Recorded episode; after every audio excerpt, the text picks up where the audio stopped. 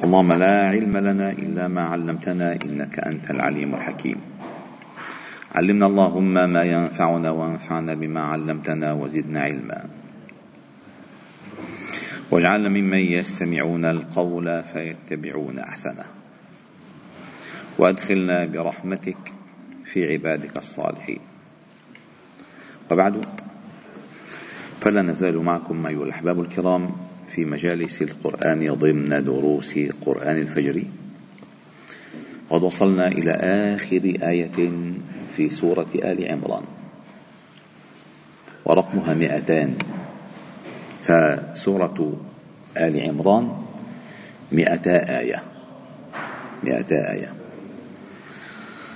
فهاتان المئتان من الآيات التي سبق سردها والوقوف عند بعض معانيها مليئة مليئة بمواد البناء الإنساني.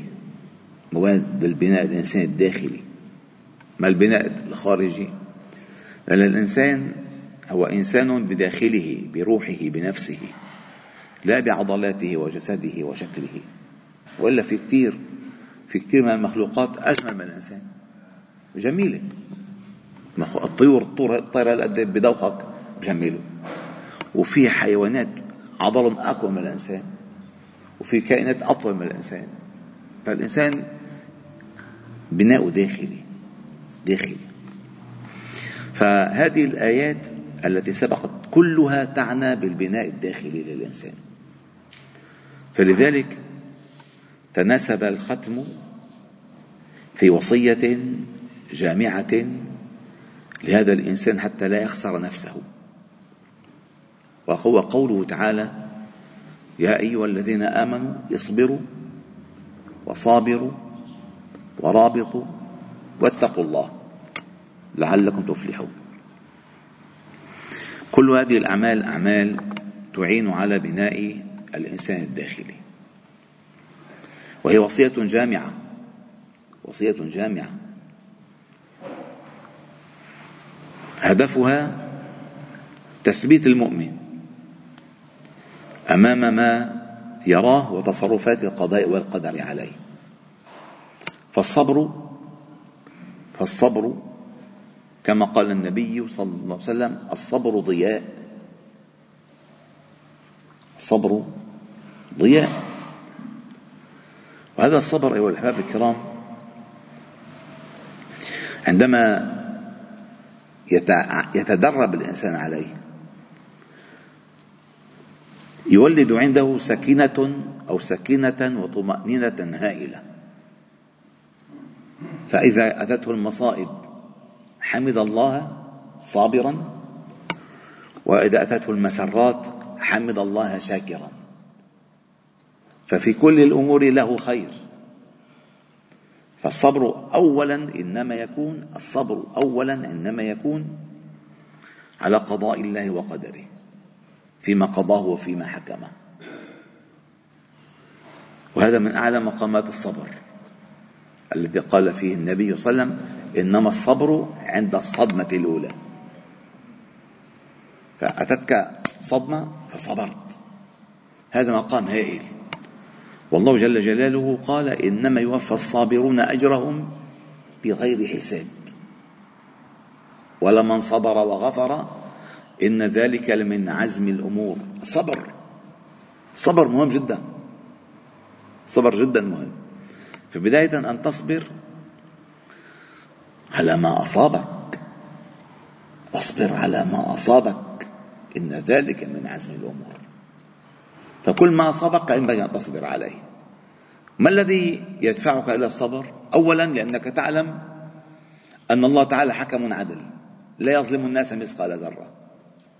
فالله يريد من إصابتك بما تكره خيرا أنت لا تراه الآن. أنت لا تراه الآن. ستأتي الأيام وتراه ولكن عندما تراه عيانا لا ينفع صبرك إنه صار معه مصيبة. سب عيط كسر. آخر شيء بعد كم يوم؟ ها مشان هيك؟ خلاص. ما خلصت. اللي عملته عملته. الأصل وهذا الحديث أصله صحيح. كان النبي صلى الله عليه وسلم مارا في شوارع المدينة فمر على مقبرة. فإذا بامرأة عند قبر تبكي. تبكي. فقال لها هي عاملة هيك على القبر قال اصبري واحتسبي. اصبري واحتسبي. فقالت له من غير أن تلتفت إليه قالت له إنك لم تصب بمثل مصيبتي. اللي نزل فيني ما نزل حدا فتركها وذهب.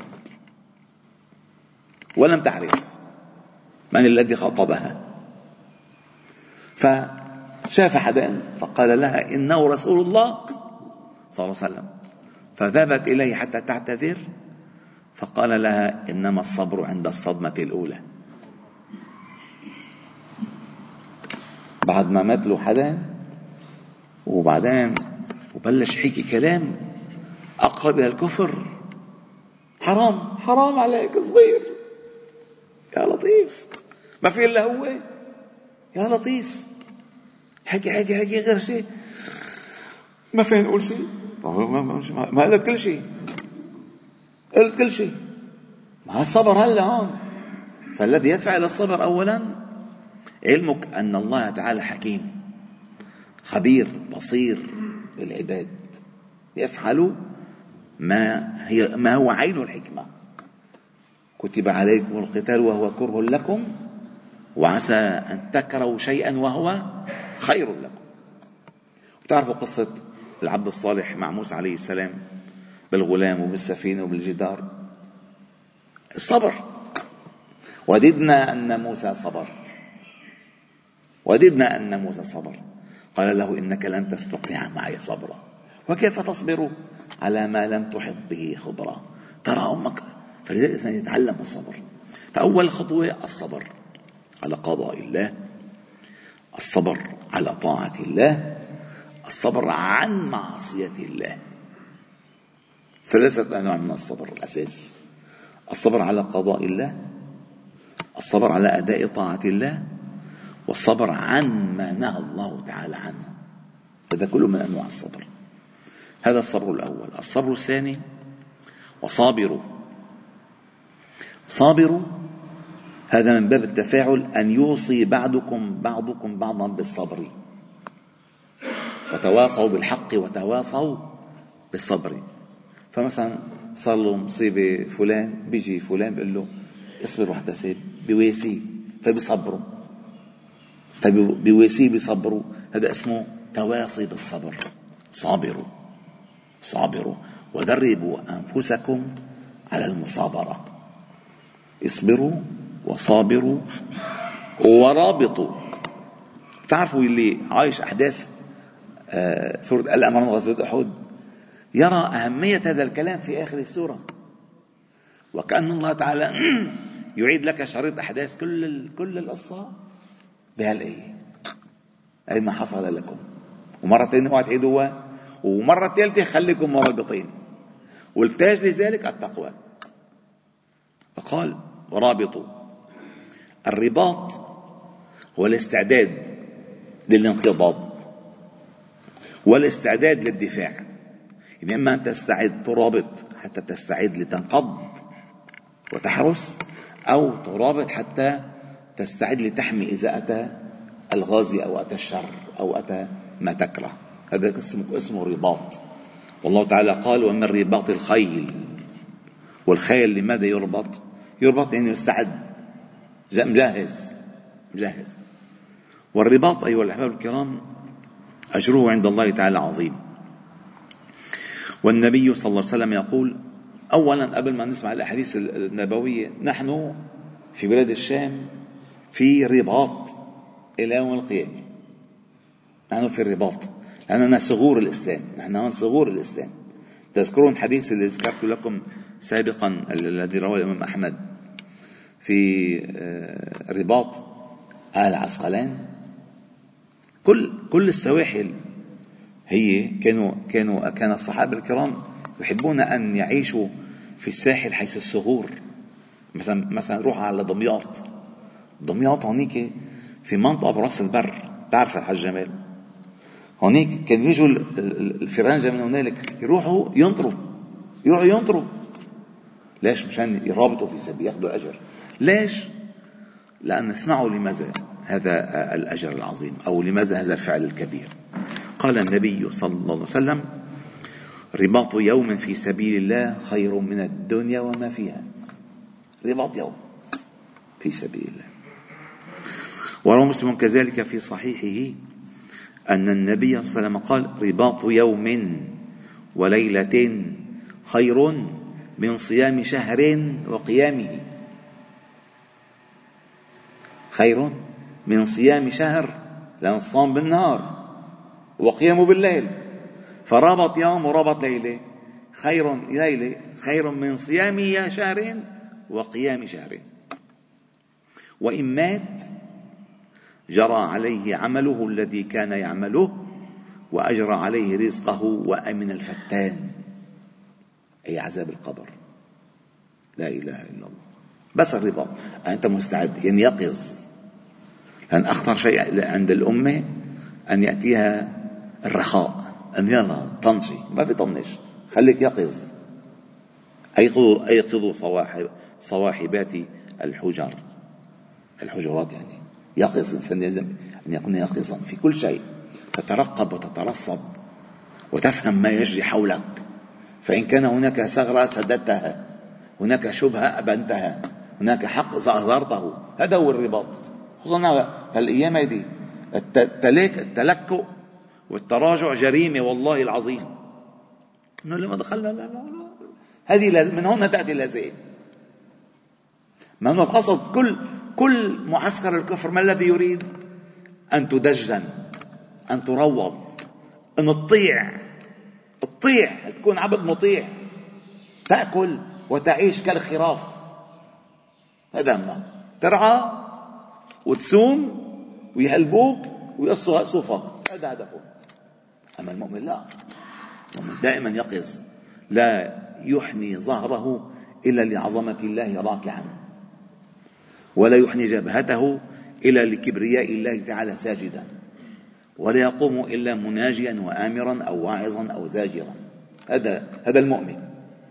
وما سوى ذلك كله طق حنك وتطيش بزر. ما له قيمة أبدا. هذا الإنسان. فالرباط هو الأساس. هو الأساس. والنبي صلى الله عليه وسلم قال في الحديث الصحيح قال ألا أدلكم ما يمحو الله به الخطايا ويرفع به الدرجات؟ من منا لا يحب أن يعني يأخذ هذا العمل؟ الله بيرفع لك درجاتك وبيمحي لك كل خطاياك. فقالوا بلى يا رسول الله. قال إسباغ الوضوء على المكاره وكثرة الخطى إلى المساجد وانتظار الصلاة بعد الصلاة فذلكم الرباط فذلكم الرباط. لأن ما بقول ما ما ما كل المرابطة المرابطة حتى تفعل أمرا يرضي يرضي الله تعالى ولا يؤتى الدين من قبلك فما معقول تفرغ الأماكن التي يحب الله تعالى أن يراك بها؟ وتروح تقعد ببرص. ما بيصير. بدك تكون في رباط. يعني أولا المساجد خطاك كثيرة إليها. هذا من الرباط. لأنك إنما تأتي لتشحذ الهمة ولتتزود للوصول إلى القمة. هذا المساجد. وإسباغ الوضوء الوضوء هو الاستعداد للطاعة. إذا أنت مستعد مستعد مستعد بأحسن أوجه. ثم بعد ذلك أسبغت وضوءك. أتيت إلى المسجد. صليت فرضك. تنتظر الصلاة بعد الصلاة. متى الصلاة؟ متى الصلاة؟ أذان الفجر؟ ده بده الظهر ده بده الم... هذا انتظار الصلاة بعد الصلاة؟ قال فذلكم الرباط. فذلكم الرباط. يعني ما نخلط بين أمرين. ما كل الرباط اللي نحن هلأ فيه استعداد للرباط الأكبر حتى يثبت الله أقدامنا إن لقينا. هذا المقصود. لذلك أيها الأحباب الكرام العبادة والجهاد هما صنوان توأمان يسيران معا.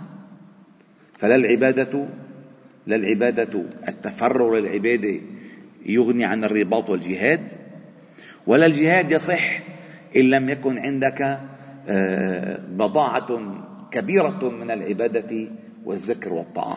لذلك الأبيات المشهورة التي كتبها العلماء عن آه، الفضل الفضيل بن عياض أرسله إليه عبد الله بن المبارك.